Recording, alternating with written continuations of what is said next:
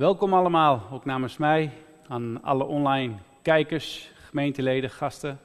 Maar ook aan de mensen die hier, als het goed is, beneden mij in de zaal uh, vanmorgen aanwezig zijn.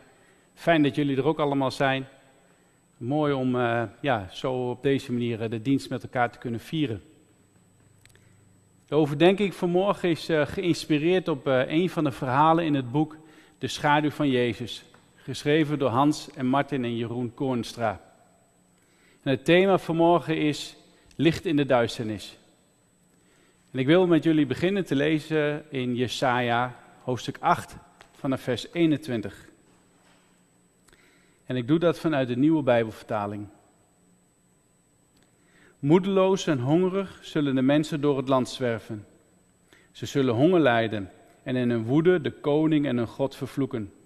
Ze kijken omhoog of staren naar de grond maar overal heerst verstikkende duisternis.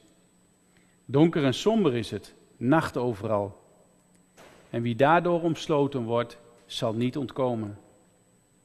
En zoals het land van Zebulon en Naphtali in het verleden smadelijk bejegend is, zo wordt weldra eer bewezen aan de kuststreek, het overjordaanse en het domein van andere volken. Het volk dat in duisternis ronddult, dat ziet een schitterend licht. Zij die in het donker wonen, worden door een helder licht beschenen. U hebt het volk weer groot gemaakt. Diepe vreugde gaf u het. Blijdschap als de vreugde bij de oogst. Zij jubelen als bij het verdelen van de buit. En het juk dat op hun drukte, de stok op hun schouder, de zweep van de drijver, u hebt ze verbrijzeld, zoals Midjam destijds. Iedere laas die dreunend stampte, en elke mantel waar bloed aan kleeft, ze worden verbrand, een prooi van het vuur. Een kind is ons geboren, een zoon is ons gegeven. En de heerschappij rust op zijn schouders. En deze namen zal hij dragen: wonderbare raadsman, goddelijke held, eeuwige vader, vredevorst. Groot is zijn heerschappij, aan de vrede zal geen einde komen. Nou, het laatste deel zal jullie vast bekend voorkomen. Het wordt vaak gelezen in de kerstperiode. Maar misschien herken je jezelf ook wel in het begin van deze schriftlezing. Zo'n situatie dat je het even niet meer ziet zitten. Je moedeloos bent, doelloos je leven leidt en de toekomst somber inziet.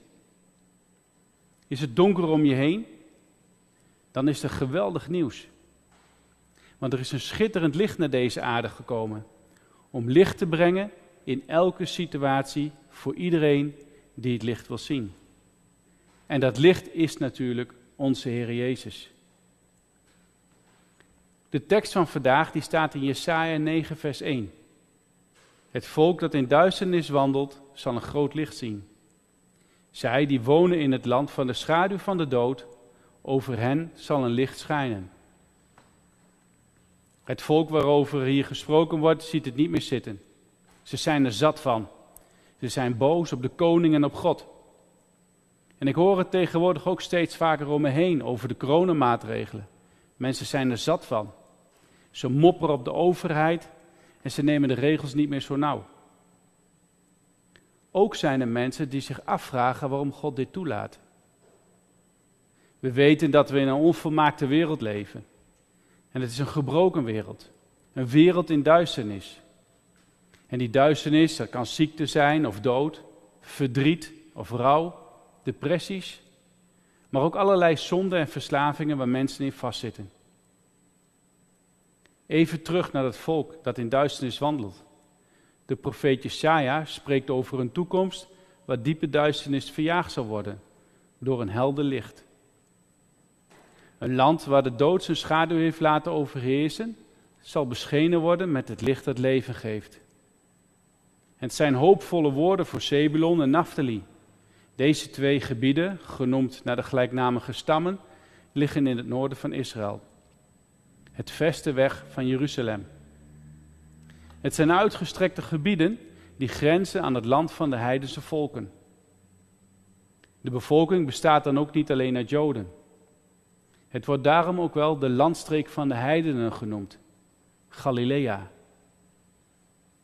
En het gebied Galilea is al ja, vele jaren door verschillende volken overheerst en bevolkt. Er hebben vele oorlogen plaatsgevonden en er heeft het nodige bloed gevloeid. En er heerst een mengelmoes van verschillende culturen en invloeden. Ook bij ons in Nederland zie je die invloeden van verschillende culturen en godsdiensten weer terug. En het wordt ook steeds groter.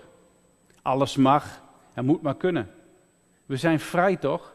We moeten elkaar toch respecteren en tolereren?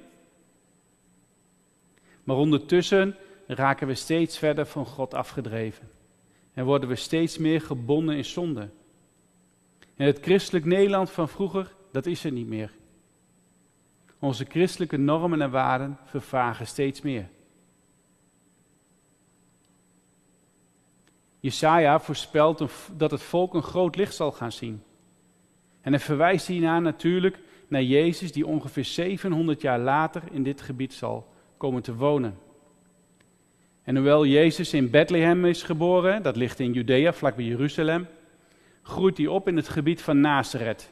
Dat ligt wat noordelijker en dat ligt dus ook in het gebied van Galilea.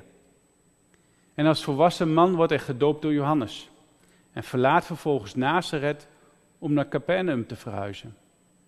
Hij gaat dus nog noordelijker, waar de heidense invloed en onrust nog groter waren.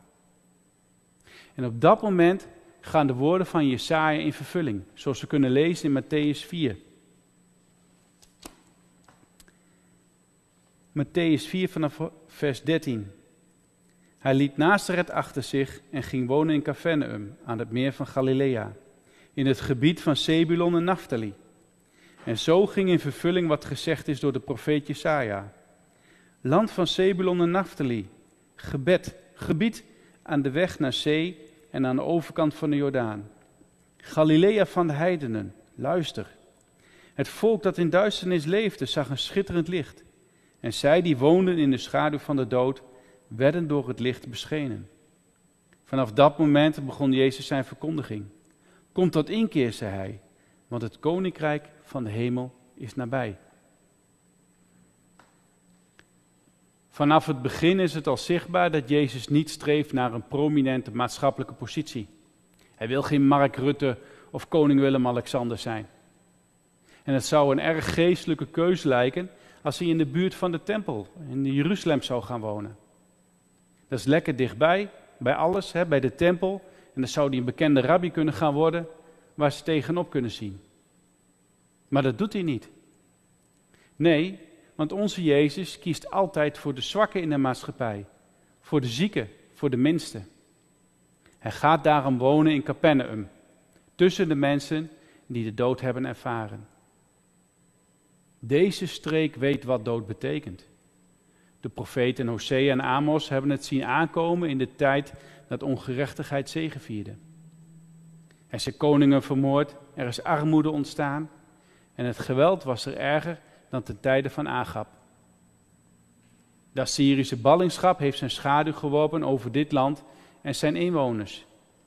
Hier hebben ellende, gevangenschap en de dood geheerst. Een leven zonder Jezus is geestelijk duister. Het is een leven in de schaduw van de dood. Jezus spreekt over een volk dat in duisternis wandelt. Jesaja spreekt daarover. En Matthäus schrijft over een volk dat in duisternis zit. Wandelen of zitten. Wandelend in de duisternis, ja, dan kun je nog zoekende zijn.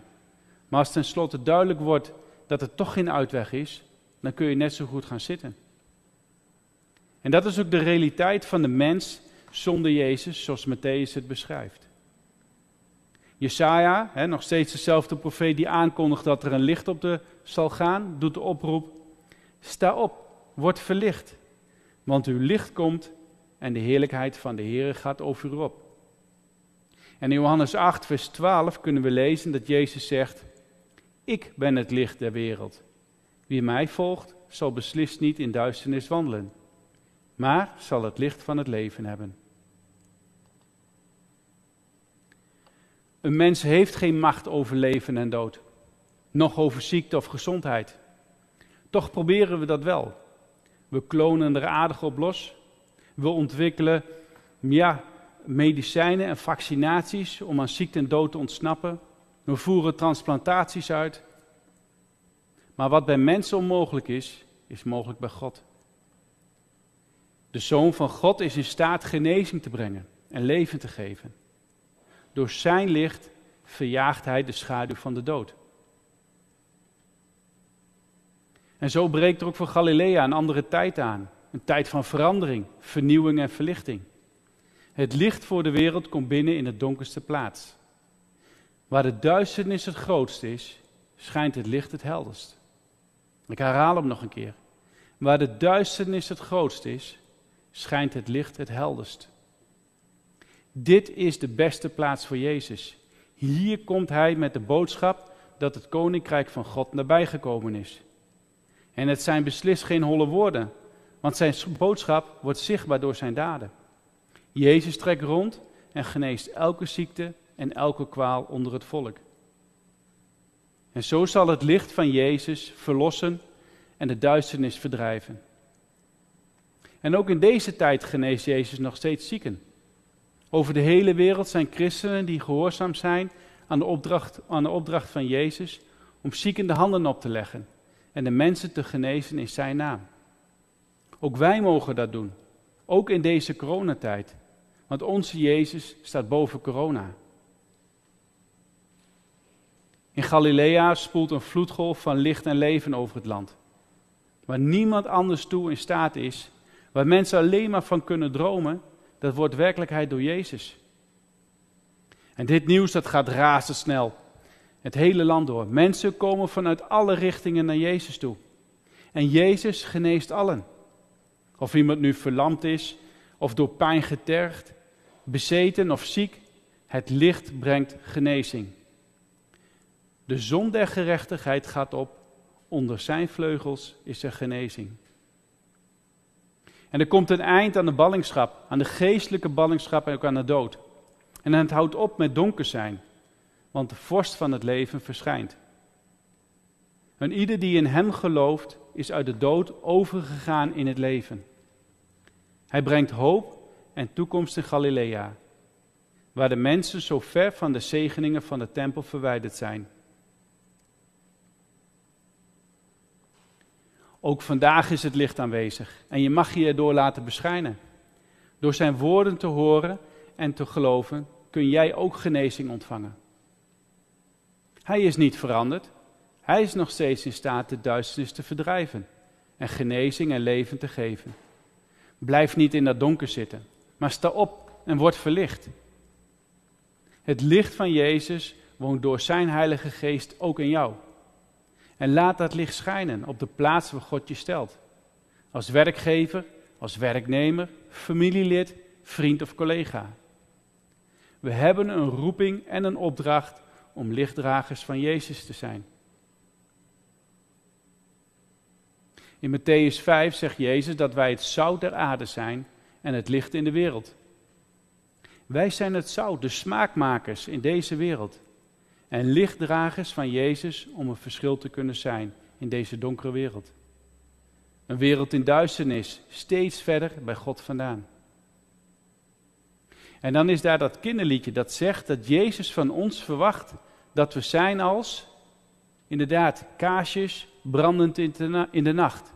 En tot zijn ere moeten schijnen.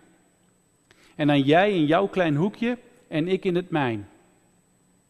En dat laatste dat lijkt me nou niet de bedoeling. Ik bedoel, in je kleine hoekje blijven, in onze huizen, lekker veilig. Nee, we moeten naar buiten, als gezin, als kerk, als gemeente, om het licht van Jezus te verspreiden. En Jezus gaat ons dan voor als een gids, die ons leidt door de duisternis naar een plek waar rust en vrede is.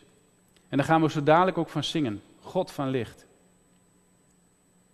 Ik wil afsluiten met de volgende oproep. Door Jezus te volgen in je leven kun je volhouden en staande blijven in tijden dat het moeilijk is of dat het moeilijk wordt.